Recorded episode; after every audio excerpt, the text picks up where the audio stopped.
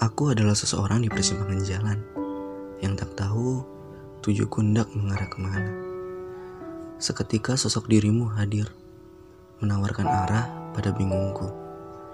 Entah kamu yang terlalu mahir dalam hal meyakinkan, atau justru diriku yang terlalu mudah yakin.